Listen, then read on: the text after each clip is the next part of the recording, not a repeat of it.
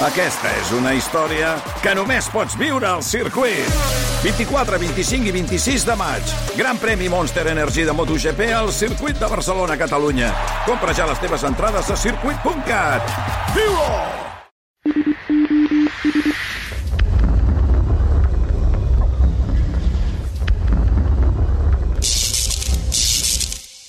RAC més us ofereix Oxigen, amb Mònica Usart.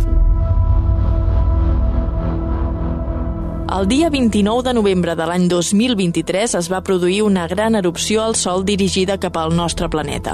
Se la va anomenar Tempesta Solar Caníbal. Per què? Quins van ser els efectes a la Terra? N'hi poden haver més? En aquest capítol ho intentarem resoldre.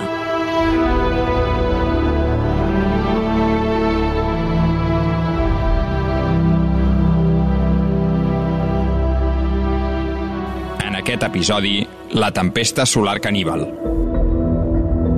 I compte perquè al llarg d'aquest cap de setmana encara no és descartable que es notin les conseqüències de la tempesta solar que es va originar dimecres a la superfície del Sol. The National Oceanic and Atmospheric Administration says a strong geomagnetic storm is headed toward Earth tomorrow.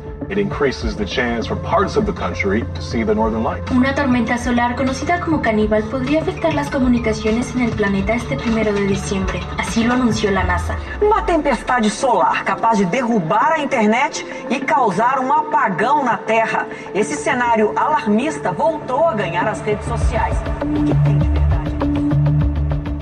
Els mitjans de comunicació de tot el món es van fer ressò durant uns quants dies d'aquesta ejecció de massa solar que va sortir directe des de la nostra estrella cap a la Terra. Però què va passar exactament aquell dia al Sol? Doncs el que va passar és que es van produir múltiples ejeccions de massa coronal, Miquel Sureda, professor investigador de la UPC a Terrassa. Que això bàsicament és que, diguem, per unes pertorbacions en el camp magnètic doncs es van expulsar partícules, eh, partícules carregades a alta velocitat, amb molta energia, i a més això va acompanyat de l'expulsió també de, de radiació. El que va ser important, diguem, en aquest cas és que estava molt ben direccionada cap a la Terra. No? Diguem que el Sol de manera regular doncs, té aquest tipus de fenòmens en els quals eh, en diem tempestes solars, en els quals d'alguna manera per diferents fenòmens acaba expulsant matèria i radiació eh, d'alta energia diguem, cap a l'espai. El que passa és que moltes vegades doncs, aquesta, aquesta expulsió no està alineada amb la Terra i, i, i, no, i no acaba diguem, impactant i generant el que en diem una tempesta geomagnètica, que és diguem l'efecte que tenim aquí a la Terra. De seguida es van encendre totes les alarmes. Les partícules venien directament cap a nosaltres i els caçadors d'aurores boreals es van activar. De fet, eh, nosaltres des del Parc Astronòmic Aleix Roig, responsable del Parc Astronòmic de Prades. Que anem seguint diverses aplicacions eh, per veure l'activitat d'aurores i també seguim perfils i comptes de les xarxes socials que estan molt actius i per tant ja ràpidament vam començar a veure que a nivell de xarxes socials es anava publicant de que, de que venia doncs, una, una ejecció de, bueno, que s'havia produït una ejecció de massa coronal i per tant venien partícules carregades cap a la Terra i eh, doncs, podria produir-se una aurora doncs, molt destacable. Per tant ja des de que vam començar a llegir les primeres notícies, igual hauria ser doncs, més o menys cap al 30 de novembre, doncs ja ens vam, ens vam anar preparant perquè semblava que hi hauria un esdeveniment doncs, important a nivell de tota Europa. Des del Parc Astronòmic de Prades es van posar en marxa per no perdre's els possibles efectes d'aquesta tempesta a la Terra. En primer lloc, el que mirem és la previsió meteorològica, eh, veure doncs, quins eh, seran els punts doncs, amb, amb cel destapat per poder fer doncs, una, un possible avistament d'aurores des d'una latitud tan al sud com és Catalunya i per tant aquí ja vam identificar diversos punts que presentaven una meteorologia favorable en el mateix municipi de Prades, punts elevats i de fet doncs, ja vam començar a preparar càmeres, equips, eh, càmeres amb objectius de gran camp per intentar fer aquesta detecció si és que es produïa. Per tant, també bloquejar-nos a la- l'agenda doncs, la, les següents nits, sobretot la nit del divendres dia 1, que era quan es preveia doncs, la, la màxima activitat. Es calcula entre dos i tres dies l'arribada d'aquestes partícules carregades i, de fet, es preveia que fins i tot eh, el dissabte, dia 2, es pogués doncs, viure també un episodi de fortes aurores i no va ser així. Va ser sobretot el divendres dia 1. I què van veure quan aquestes partícules van arribar a la Terra? De fet, el que vam veure va ser un SAR. Es tracta d'una Stable Auroral Red, o sigui, realment una aurora vermella estable, que això no és detectable a la vista de l'ull humà. De fet, és un tipus d'aurora que es va detectar per primer cop amb imatges fotogràfiques als anys 50. I estem parlant doncs, d'un fenomen extremadament eh, lleu, com dèiem, no detectable amb la vista humana i per això necessitem càmeres fotogràfiques. Es produeix doncs, a centenars de quilòmetres eh, de distància i, per tant, eh, ja sabíem que necessitaríem doncs, aquestes càmeres per observar-ho. Uh, de fet, doncs així va ser, vam agafar les càmeres i vam començar a gravar des del Tossal de la Volta Sana, que és el punt on ens vam dirigir. Al final va ser el punt escollit per observar o per intentar de fer aquesta detecció. I en allà el que vam poder detectar és una lluïssor rosada ja en el live view de la càmera, en la pantalla ja veiem doncs, de que, que a l'horitzó semblava observar-se doncs, alguna cosa i certament després ràpidament ja vam anar cap a casa a revelar les imatges i vam veure doncs, que sí, que, que hi havia una presència de tota una banda rosada a, al fons, a l'horitzó, eh? direcció cap als Pirineus, passant pel, pel Pla de Lleida, que és el que tenim més en, en primer pla. Oxigen.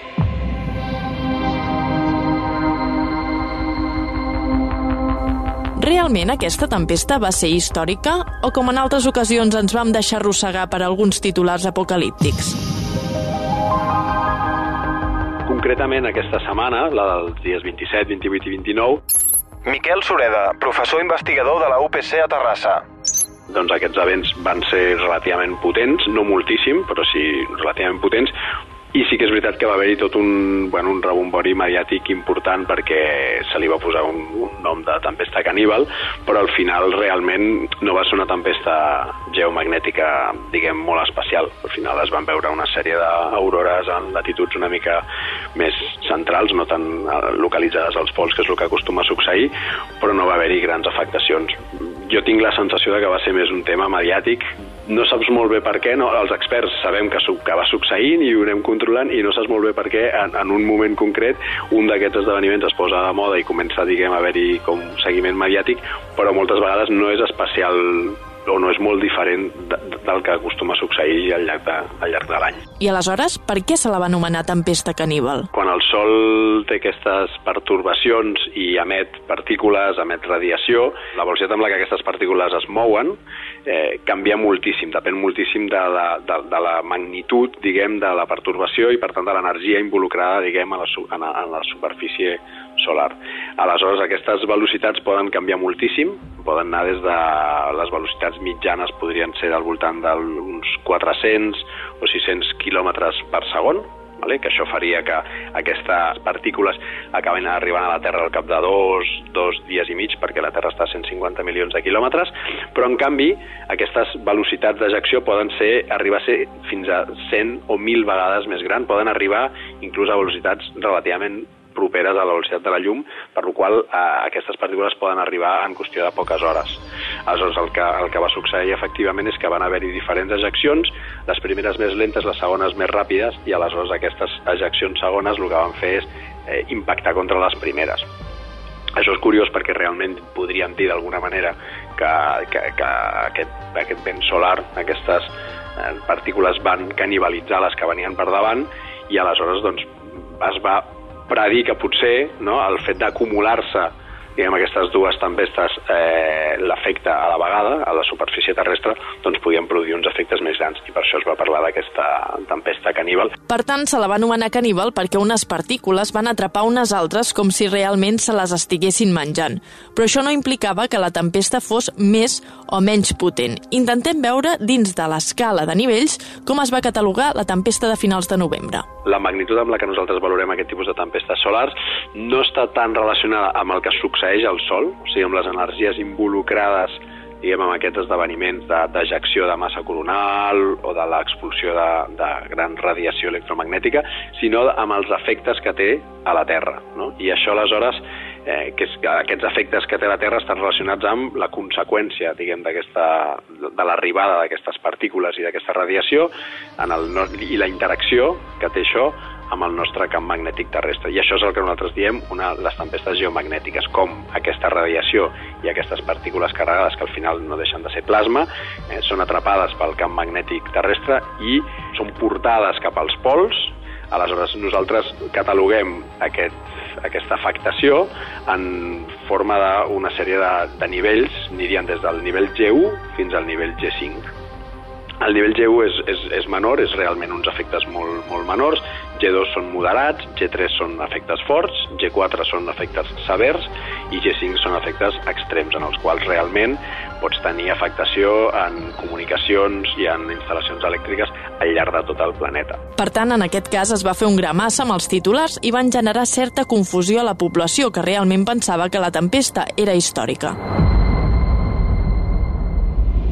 Oxigen.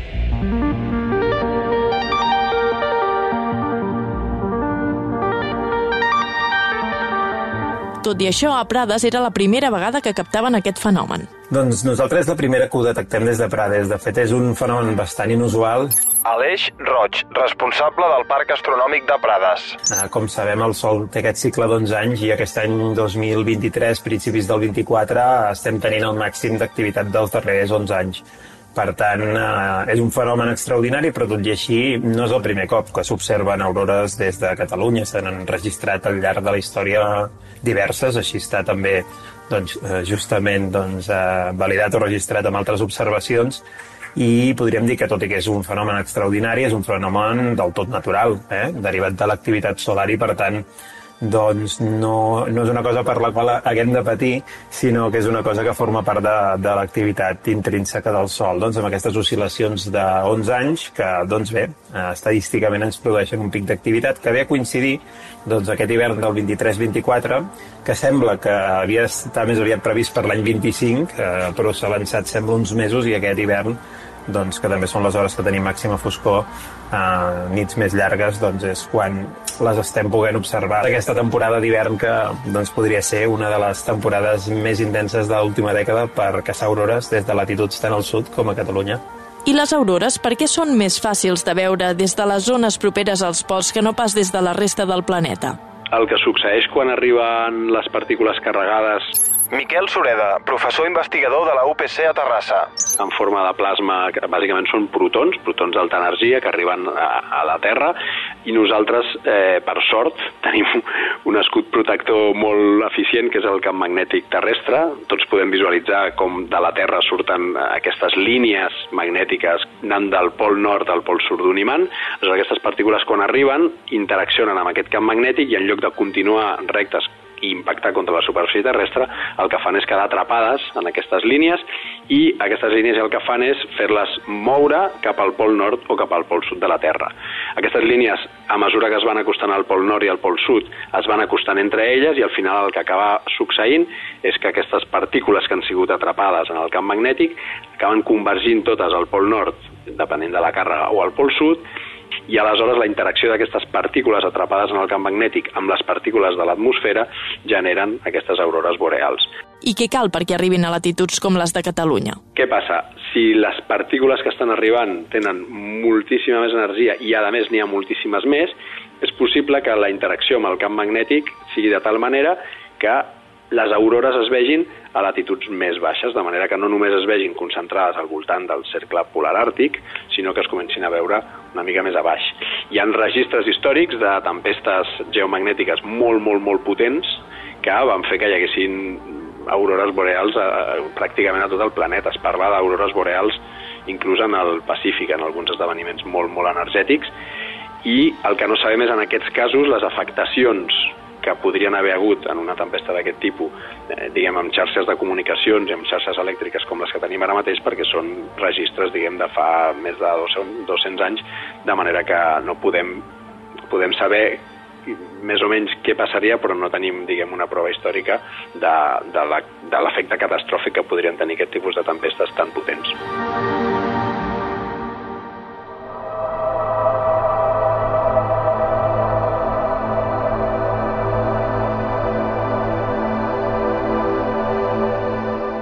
Últimament es parla molt de que el Sol està arribant a un punt màxim d'activitat. És així? El Sol el que té són una sèrie de cicles i el més predominant, diguem, és un cicle d'uns 11 anys, no? el qual eh, el camp magnètic doncs, té una alteració molt gran.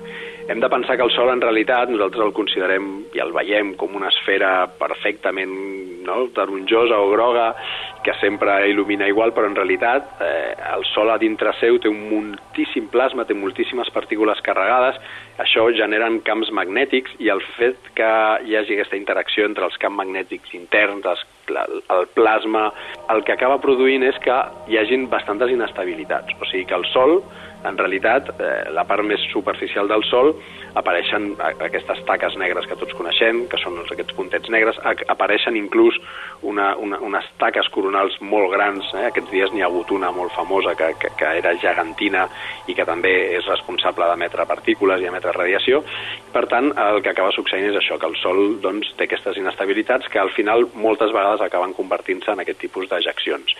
Precisament aquesta situació va motivar els companys del Parc Astronòmic de Prades a moure's fins a latituds més altes per veure-ho. Nosaltres ja veiem aquesta tendència a l'alça de l'activitat solar. Aleix Roig, responsable del Parc Astronòmic de Prades. Això ja es, es ve veient doncs, tot aquest any 2023 i, per tant, des de principis d'any, des de l'hivern passat, al veure aquesta tendència vam dir, escolta'm, quan ja tinguem les nits llargues, a partir del novembre, bloquejarem unes dates eh, en període de lluna nova per poder observar les aurores des del nord d'Europa, a la zona de Tromso, a Noruega, i poder observar aurores. Uh, hem tingut sort perquè, primer, la meteorologia en aquelles latituds és molt variable, fins i tot més variable que aquí, podem tenir forces nits ennuvolades, però les aurores en aquelles latituds, estem parlant de gairebé 70 graus nord, estem dins del cercle polar àrtic, eh, les aurores doncs, són tan intenses que deixen fins i tot coloracions verdoses observables a simple vista. Això ho hem pogut observar fa poques setmanes, no ens ho creiem, però realment ha estat així.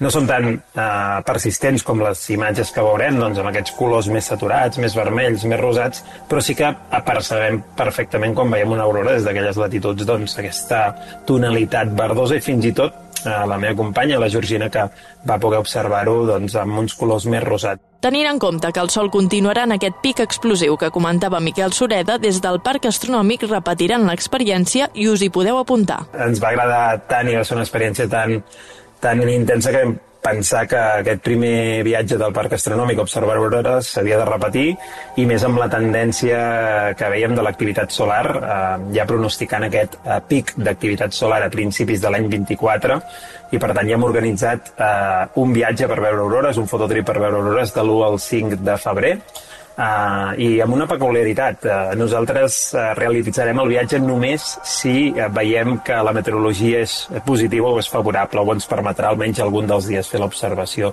Per tant, aquest viatge sí que, doncs, uh, si contacteu amb el Parc Astronòmic de Prades, doncs podreu veure ja les dates de la, a la pàgina web, es pot fer la reserva.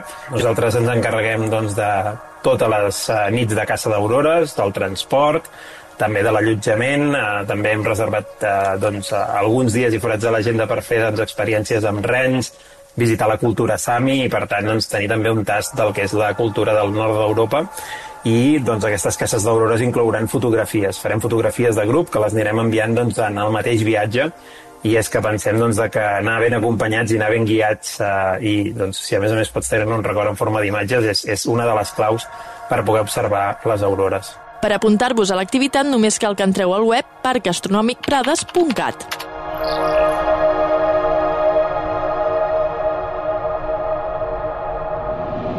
Oxigen.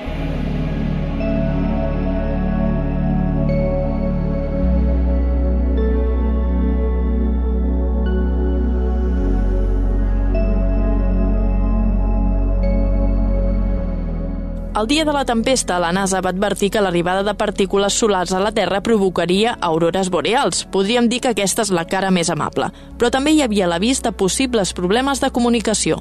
L'afectació, diguem, a la Terra que tenim quan arriben aquestes partícules i quan arriba aquesta radiació... Miquel Sureda, professor investigador de la UPC a Terrassa es localitza a la superfície terrestre, en les xarxes elèctriques, però també es localitza molt en la nostra xarxa, diguem, de satèl·lits que tenim orbitant al voltant de la Terra. Què succeeix? Els satèl·lits estan en un ambient, l'ambient espacial, en el qual la protecció de la Terra doncs, es veu molt reduïda. I això què fa? Que els satèl·lits estiguin molt exposats a la radiació i sobretot a aquestes partícules energètiques. De manera que satèl·lits que funcionen perfectament a la Terra i circuits i sistemes que, que, que tenim molt, molt, molt testejats a la Terra i que, i que no acostumen a fallar mai, resulta que l'espai un bon dia doncs, deixen de funcionar i això és bàsicament doncs, perquè una d'aquestes partícules simplement ha impactat en una part d'aquest circuit i, i se l'ha carregat. Per tant, realment, quan tota aquesta quantitat de partícules arriben, eh, doncs, doncs sempre hi ha un risc de que hi hagi certs satèl·lits que deixin de funcionar. En aquest cas, els usuaris pràcticament no vam notar cap efecte en el nostre dia a dia. Hi ha registres passats, però, que ens mostren que les grans tempestes han existit i que si passessin ara podrien provocar el caos. Hi ha registres històrics del que, del que es diu la fulguració de Carrington, que va succeir el 1859, que és una tempesta geomagnètica que és la més potent registrada a la història. Eh, van haver-hi aurores al Carib, van caure els sistemes de telègraf a tota Europa i Amèrica del Nord, i realment doncs, eh, va tenir unes afectacions que no van ser molt greus perquè en aquell moment no teníem els satèl·lits, no teníem diguem, la xarxa elèctrica que tenim ara, però es calcula que l'impacte d'una tempesta d'aquest tipus en el present doncs, seria, seria molt més gran per la nostra dependència d'aquestes tecnologies i a més se sap que eh, aquest tipus de tempestes poden passar cada 500 anys aproximadament.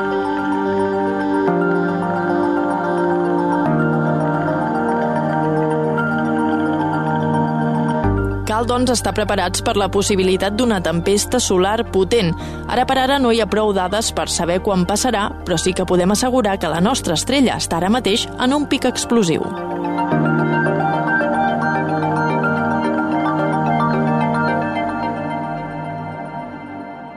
RAC més us ha ofert Oxigen, amb Mònica Usart.